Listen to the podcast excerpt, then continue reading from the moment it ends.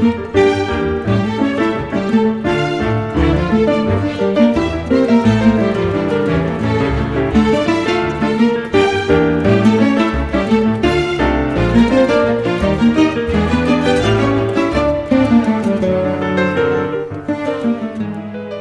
ens escolta Rosana Lluc, molt bon dia.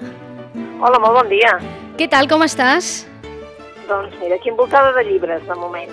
Envoltada de llibres, de llibres sí. Que sempre és una molt bona companyia, Rosana. Ah, exacte, exacte, exacte. Eh? D'aquella companyia tan càlida, tan apassionant, eh, bé, i que no et demana res més que, que els hi prestes atenció. Sí, no, exacte, no requereix eh, de gran cosa i, i aporta molt, eh? I ens, Ah, permet, exacte. I ens permet ara viatjar i moure'ns més enllà del municipi, eh? Que ara ho tenim difícil. Doncs això, eh? te'n vas on vulguis, eh? T'asseus a la teva butaca i te'n vas on vulguis, eh? Rosana, sí. avui per començar et volia preguntar, perquè ahir vam conèixer justament, eh, es va saber de la publicació de l'obra pòstuma de Carlos Ruiz Zafón, d'aquest La ciutat de vapor, que m'imagino que serà un èxit de vendes seguríssim des del primer minut, oi? Doncs sí, ho va ser. Ahir va sortir i ja va ser un èxit de, de, de vendes en el sentit... Èxit vol dir que, doncs, que tenim trucades, reserves i, i gent que, que, que ja l'ha comprat. Eh? I aquest matí, doncs, el, la veritat és que els dos primers llibres que hem venut han sigut aquests, precisament. Ha sigut justament aquest, eh? La ciutat Ah, de, aquest, de just. vapor. Per tant, en hores, en hores que el llibre s'ha s'ha publicat i s'ha presentat i que es pot comprar, ja, ja, doncs ja està sent un èxit. No sé si ja l'has pogut començar a llegir o encara no, Rosana. Bé, de, de fet, hi ha algun conte que ell ja, ja l'havia publicat, Sí. són llibres que són contes, eh? Sí. Sobretot eh, els diem a- als lectors que són contes, que són contes, evidentment, sobre Barcelona, i la veritat és que té tot el segell de Carlos Ruiz Zafón. I, bueno, per què es vendrà? Pues, pues perquè la veritat és que són els personatges aquells tan ben Mm. explicats del, del Carlos Ruiz Zafón que que en definitiva eh, ens va enamorar en el, en, el, en el moment en què va publicar la Sobre el Viento i que sobretot que va tenir tants, tants i tants lectors. No? Home, 10 milions d'exemplars venuts, La sombra del viento. 10 milions d'exemplars venuts, traduïda a més de 50 idiomes. Clar, és que és un, un èxit indiscutible, vaja.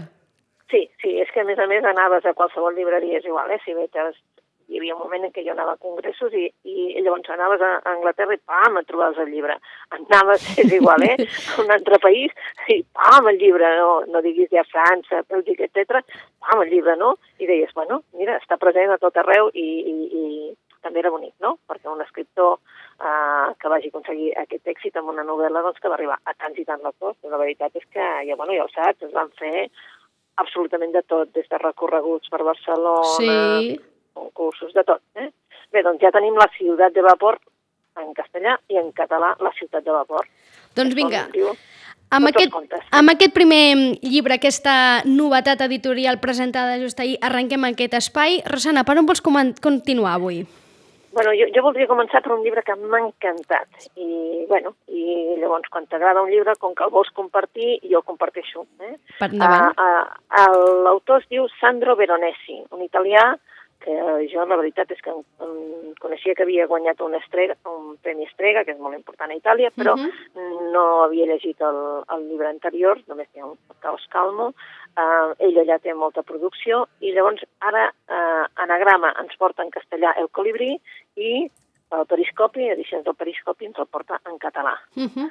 La veritat, us recomanem també la traducció del Pau Vidal, que és el, que, el gran traductor al català. El català? Del Camil, eh? Mhm. Sí, del Camilleri, mm, de moltes obres, saps, de, del Xaixa, bueno, d'un munt d'autors eh, italians al català.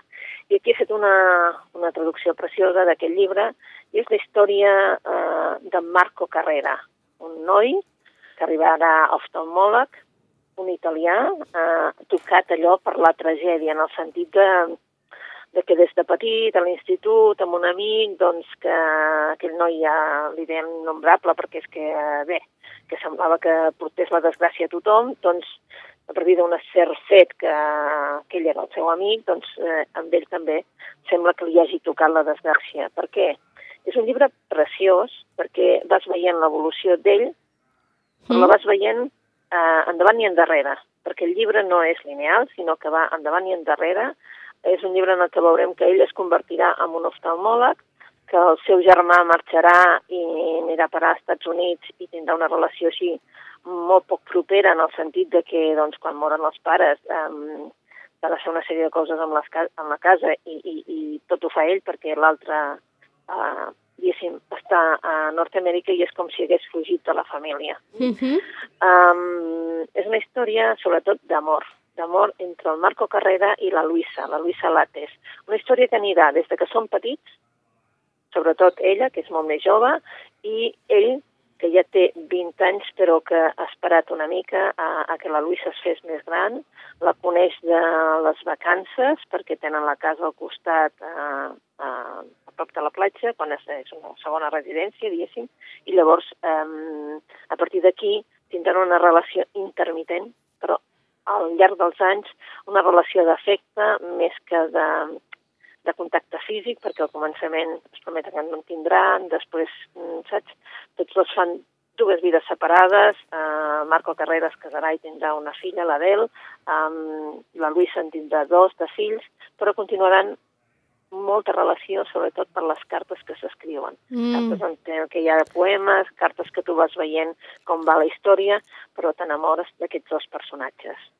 És, mm, és una novel·la allò sensible, molt bella, saps allò? Sí. Una novel·la que t'enamora i alhora, a veure, mm, també hi ha molts punts de tristesa, de, de, de, de què passa amb la família. Mm, la Marco tindrà una germana gran, una germana que després mm.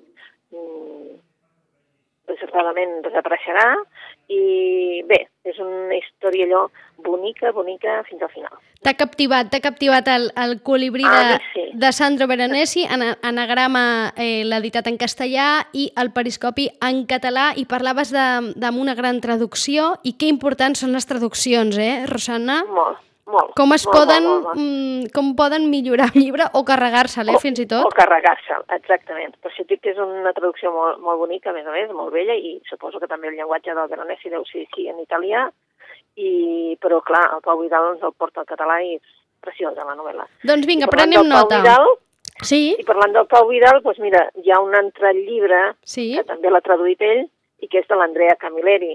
L'Andrea Camilleri va morir i ens va deixar... Sabem que hi ha una última novel·la que estava sota, diguéssim, en una caixa forta que no es podria publicar fins que ell, saps, que hagués sí. mort, etc etc. No és aquesta. Aquests són uns exercicis de memòria. Però, clar, els amants del Camilleri, evidentment, és igual perquè el que volen és llegir en Camilleri. En Camilleri. Sí, tenia 92 anys quan, quan, quan, va, quan va morir, però uh, li va donar temps, malgrat que va començar molt tard a escriure, això ho sabem, però doncs, um, bé, aquesta ceguesa que li va sobrevenir uh, sobre, uh, al final, doncs va fer també que dictés uh mhm. -huh. els textos amb, amb una persona i, en definitiva, clar, com que uh, els va haver de dictar, doncs són exercicis de memòria. Uh mhm. -huh. Aquesta és aquests exercicis de memòria, aquests textos que són històries que són històries que ell explica, anècdotes... La, oi que la forma de l'aigua és seva? Ah, o, o... Sí, la forma de l'aigua és seva, sí. sí, sí la que després va donar sí. títol a la pel·lícula, no? una pel·lícula ah, que es va presentar aquí al festival, bellíssima també, molt, molt, molt, molt bonica, i, doncs... i ara m'ha vingut al cap, és de Camilleri. És de Camilleri, sí. Val, I en recomanes aquests exercicis de memòria, eh?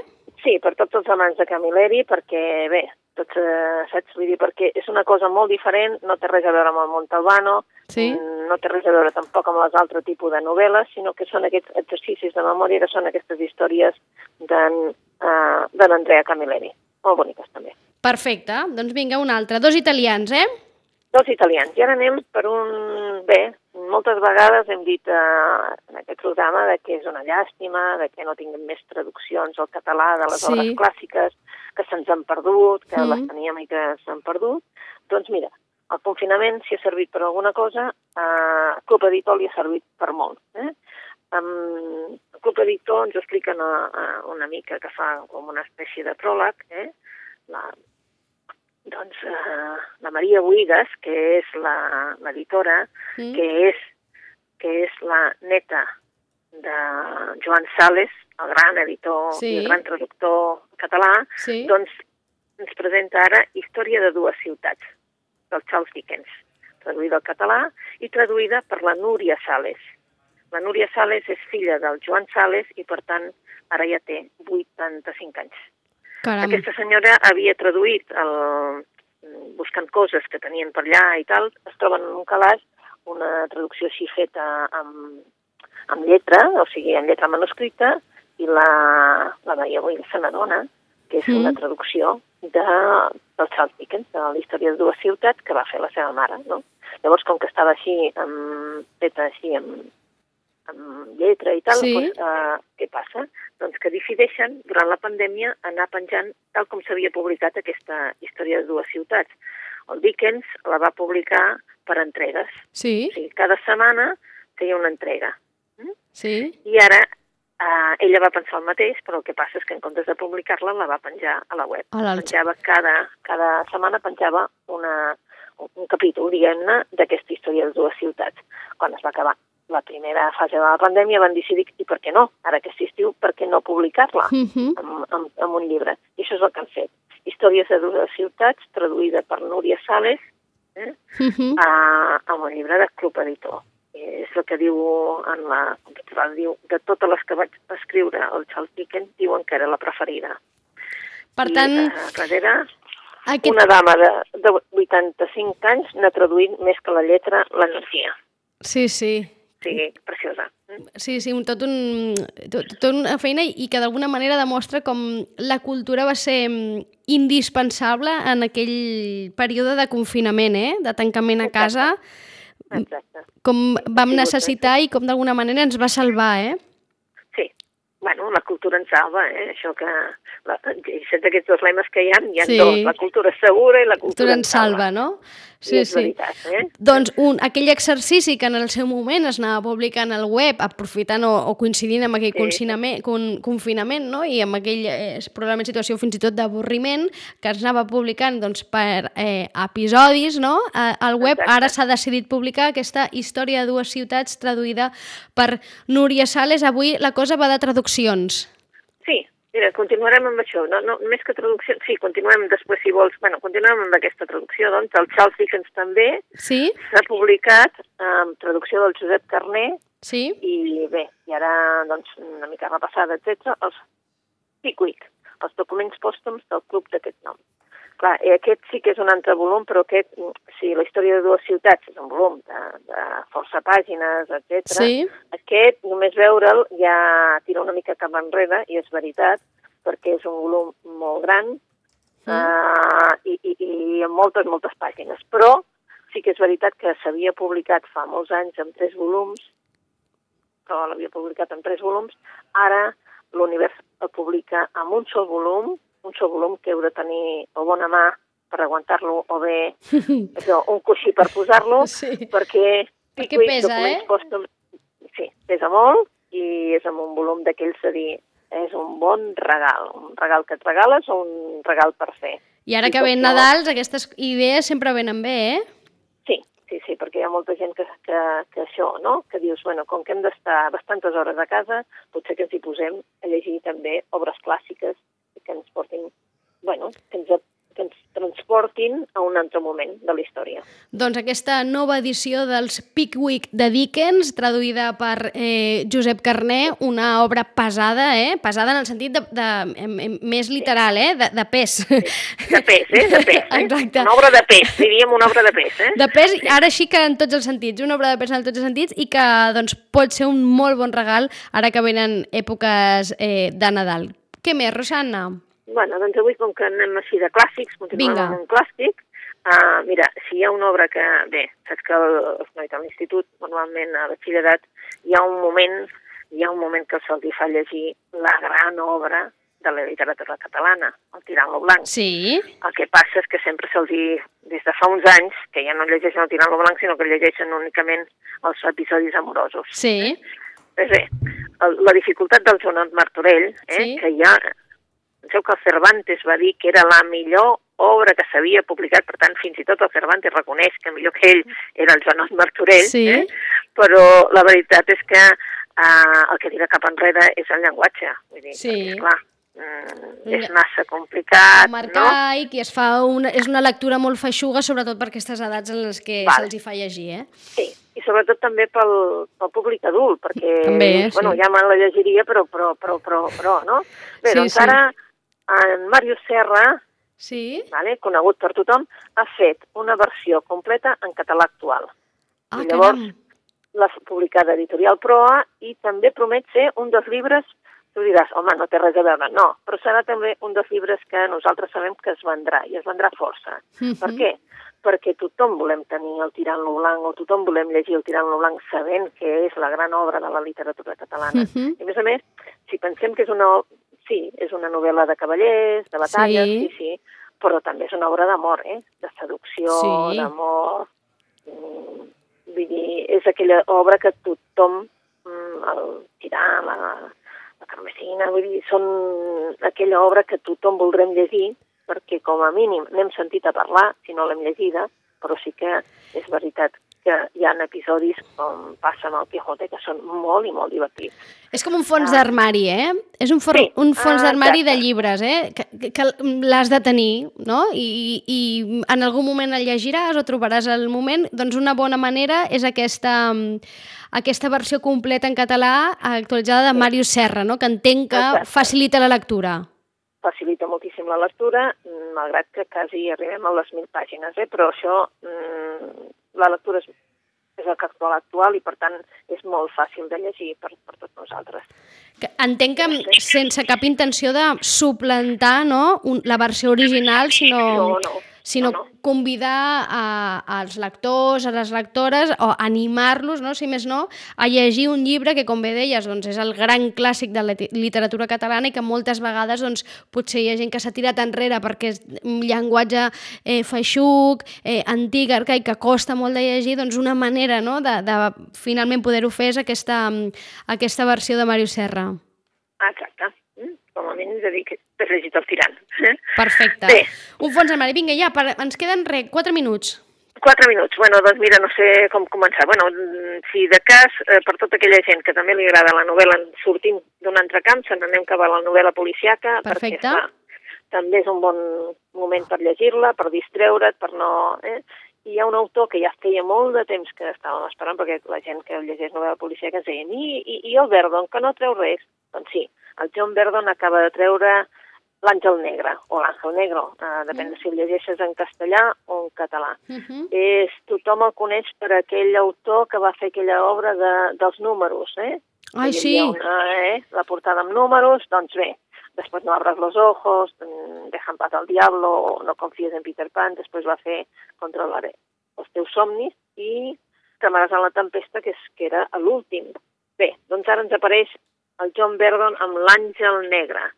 Uh, mm, tota una novel·la d'intriga que acaba, acaba de sortir fa només dos dies. O sigui que um, John Verdon, l'Àngel Negre, és una proposta i també us faig una última proposta Vinga, perfecte.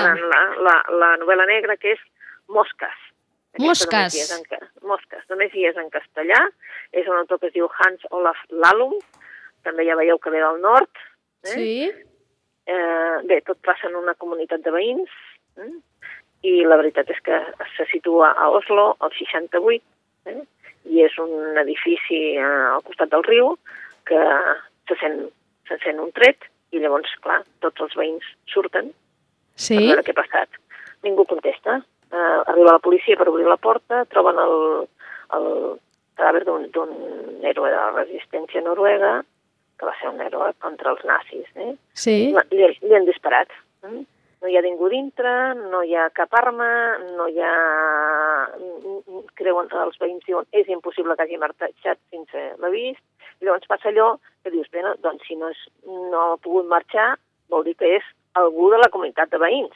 Eh? Uh -huh. Bé, doncs, un assassinat d'aquells eh, per, per fet allò d'anar d'anar rumiant, d'anar rumiant, d'anar rumiant, bé, i hi ha molt de vegades darrere d'una porta d'un veí hi ha tot un munt de secrets. Això és el que vol mm, l'autor presentar-nos amb Mosques, una novel·la també molt entretinguda. Mosques de Hans Olaf Lallum, aquest eh, thriller, i que només per això que has dit ja venen ganes de, de llegir-la, eh? Ara ja m'he quedat amb la intriga de, de què ha passat amb aquest, eh, no? amb, aquest, sí. eh, amb aquest assassinat i aquest, aquesta comunitat de veïns. Per tant, entenc que enganxa, eh? Enganxa molt, sí. És d'aquestes obres que dic, enganxen, enganxen. Eh, T'ho dic perquè el Verdon la coneix tothom, aquest autor no el poden conèixer perquè la veritat és que no s'havia publicat, per tant és un autor desconegut, però la portada ja enganxa molt, eh? perquè és vermella, vermella, mosques, una escala de veïns, i un inspector pel mig. Doncs vinga, ens quedem amb tots aquests títols que ara també entenc que venen Nadals i entenc que també ha de ser una bona una època un, que us doni una mica més de llum no? i d'activitat, Rosana. Exacte, sí, a veure si és veritat que és un regal fàcil, és un regal molt agraït, perquè el tindràs per sempre i un regal que t'acompanya. I que, a més a més, eh, és apte per qualsevol tipus de limitació del Procicat, eh? És a dir, Exacte. de moment llegir no ens ho prohibeix. No ens ho prohibeix. perquè no contagia, eh? llegir no contagia, Ah. no? I esperem que no hi hagi cap govern que prohibeixi la lectura. Home, esperem per descomptat, per, desco per descomptat, però que en qualsevol cas és que ara, com que vivim en aquesta incertesa, no, de vegades fins i tot hi ha regals i, i, i coses que penses i que no les, no, les No, deixes de pensar no perquè, adequades. perquè, i perquè no saps què passarà d'aquí una setmana o d'aquí dos, doncs bé, un llibre, un llibre sigui on sigui, sigui quan sigui, amb límits, sense límits, amb Covid i sense Covid, sempre mm, és un bon regal perquè, perquè sempre eh, podrem llegir i a més a més mm, entenc que ens servirà eh? i en que aquestes situacions de, de que vivim Sí. com en un bucle en el que constantment ens estan donant eh, noves instruccions i restriccions, eh, més que mai la lectura mm, ens salva. ajuda, ens salva. Sí. Ah, Sí. Com, com bé deies, en Salva. Molt bé, doncs Rosana, moltíssimes gràcies per atendre'ns, com sempre. Ens quedem amb tots aquests títols. Gràcies. Moltes gràcies a vosaltres i bona lectura. Igualment.